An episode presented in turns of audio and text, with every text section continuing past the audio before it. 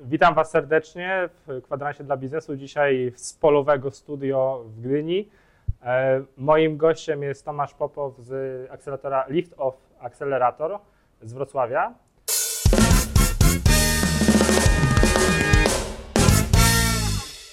E, Witam. który inwestuje w startupy, o tym będziemy też mówili, ale najpierw chciałem troszkę o Twojej historii, bo czytałem na Twoim blogu, jak wystartowałeś ze swoim biznesem, jakie przeciw, przeciwności pokonałeś i strasznie mi się to podobało. Jakbyś mógł e, opowiedzieć, Czyli jak to się zaczęło. Mój krew i męka, to by to podobało się to. No tak. Podobało mi się to, jak kreatywnie wybrnąłeś z tego, jak wykorzystałeś zasoby, których nie miałeś właściwie, nie? Tak. Więc na samym początku robiłem gry na telefony komórkowe. Pracowałem w firmie, która robiła gry. Natomiast e, niestety e, ta firma musiała zlikwidować cały, cały dział we Wrocławiu i pozostali we Wrocławiu e, deweloperzy, programiści, Mhm. zresztą moi znajomi. Mm, Problemem w tamtej firmie było to, że miała gry, które nie były znane, nie, były, nie było znanego brandu, znanej marki, która, mm, która by jak gdyby wspierała sprzedaż. Tak, na były te czasy, kiedy były telefony, nie iPhony, tylko Tak. Java i tak dalej, tak? tak, to były Motorola, Nokia, jakieś LG, tego typu rzeczy. To był 2005 rok, 2005-2006. I e, firma po prostu zbankrutowała ten, ten, ten, ten lokalny oddział we Wrocławiu. Zostali programiści. Tak jak powiedziałem, problemem było to, że robili gry niebrandowane, podczas gdy konkurenci, tacy jak na przykład Gameloft, robili gry z takimi znanymi postaciami jak e, Myszka Miki, Kaczor Donald. I w związku z tym, jak klient widział y, grę, w której nie ma znanej postaci, nawet tańszą, i grę, w której widział znaną postać, no to wiadomo, że kupował tą, gdzie ta postać jest znana. Natomiast moja koncepcja była taka, żebym wiedziałam, że nie uda mi się pozyskać e, myszki Miki i Kaczora Donalda. Natomiast e, wiedziałem, że są lokalne brandy, którymi Gameloft się nigdy w życiu nie zainteresował Bo to globalna z tym- marka, tak? bo to była lokalna marka. W związku z tym tam pomyślałem, że to jest jak gdyby ciekawe miejsce dla mnie i ciekawa nisza. No i udało mi się pozyskać mm, brandy y, Jerzy Jerzy. To był pierwszy brand.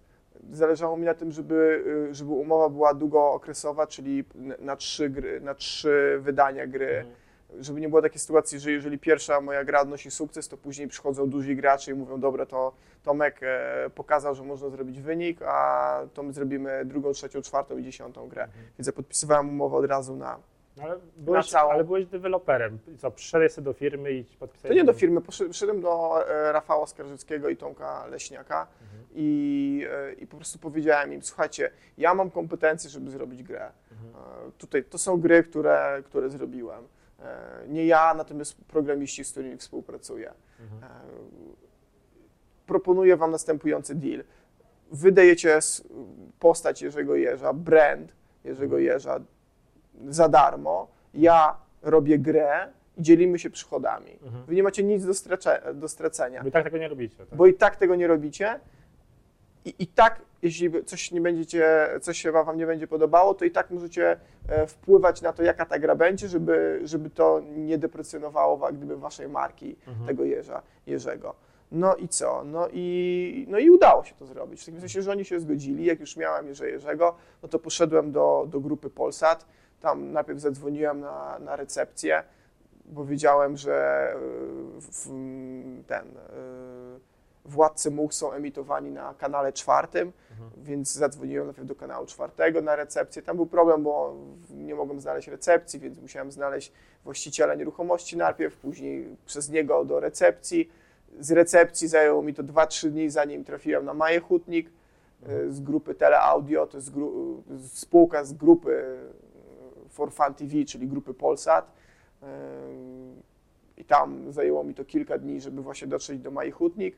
A właśnie E, podobało mi się to, jak powiedziałeś, jak dochodziłeś, czy jak napisałeś, jak dochodziłeś, co robiłeś, taką jedną bardzo konkretną rzecz, którą robiłeś, która pozwalała ci jakby do kolejnego kontaktu, nawią- znaczy nawiązać kontakt i dalej rozmawiać i iść dalej.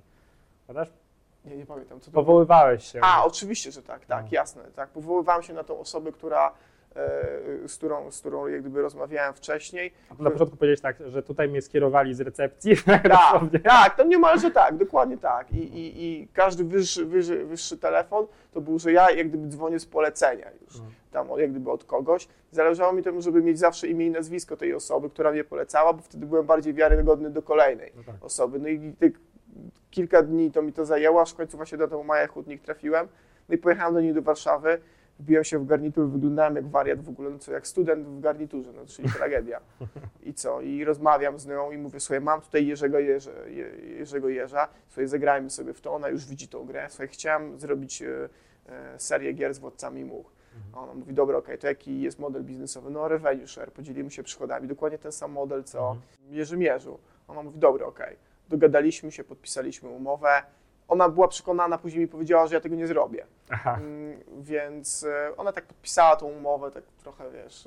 e, Dać jakiś termin tak, gry, tak, mieliśmy termin. My się, my się wyrobiliśmy w terminie jeszcze wcześniej, chyba ze dwa tygodnie wcześniej. Mhm. E, gra była gotowa. A jak, a jak, jak tak, takie szczegóły, jak ustalałeś termin, to specjalnie sobie dałeś trochę więcej czasu? Tak, tak, tak. To Ja, jest- ja To wiedziałem. jest coś, co, czego przedsiębiorcy często nie myślą, nie? Myślą, że są w stanie wszystko zrobić szybciej niż, niż w rzeczywistości. Nie, ja, ja natomiast się bałem, a mianowicie bałem się tego, że jak podpiszę jednoosobową działalność gospodarcza, jakiś student z umowę z grupą Polsat, to jak ja się spóźnię, to oni po prostu trzy, trzy pokolenia wstecz, ja będę płacił i mój pies. No tak. W związku z tym e, raczej, a wiedziałem już ile e, zajmuje robienie gier, no bo zrobiłem ich już do tego momentu kilkanaście Mhm. razem z, z chłopakami, którzy, którzy po prostu programowali. Ja mówiąc zrobiłem, ja, nie, ja ich nie programowałem, Mhm. ale gdyby ja koordynowałem operację stworzenia.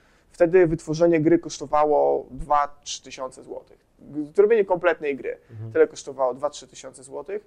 No i co? No i zrobiłem te gry. No i zrobiłem te gry z Władcami Much. Zaczęliśmy je sprzedawać, one się zaczęły sprzedawać. Później poszedłem jeszcze do grupy For Fun TV. Z- Te sam, I ta sama jeszcze tutaj historia chciałem była. właśnie, bo zaczęły się sprzedawać, bo one były dystrybuowane przez Operatorów. operatorów nie? Bezpośrednio do operatorów. To Dlatego- były te super czasy, nie? Kiedy... To były, znaczy to były z jednej strony super czasy, z drugiej strony gówniane czasy. Mhm. Bo dzisiaj, żebyś dystrybuował jakąkolwiek grę, to nie musisz się właśnie dogadywać z, z operatorem, z którym generalnie ciężko jest się dogadać na cokolwiek. Mhm. E, tylko wrzucasz e, grę na App Store, na Google Play i, i, i ona tam już jest. Twoim jedynym zmartwieniem jest to, że ona jest pośrodku z tryliarda innych. Jedynym, nie? E, Drobiazg. I, no tak, ale to jest jak gdyby masz fokus na rozwiązanie problemu No tak. i wtedy możesz się skupić na tym mechanizmie jak gdyby propagacji tej gry w, w tym ekosystemie. A nie musisz przekonać jednego człowieka, który Tak. może być tym, tak? Gatekeeperem. Tak.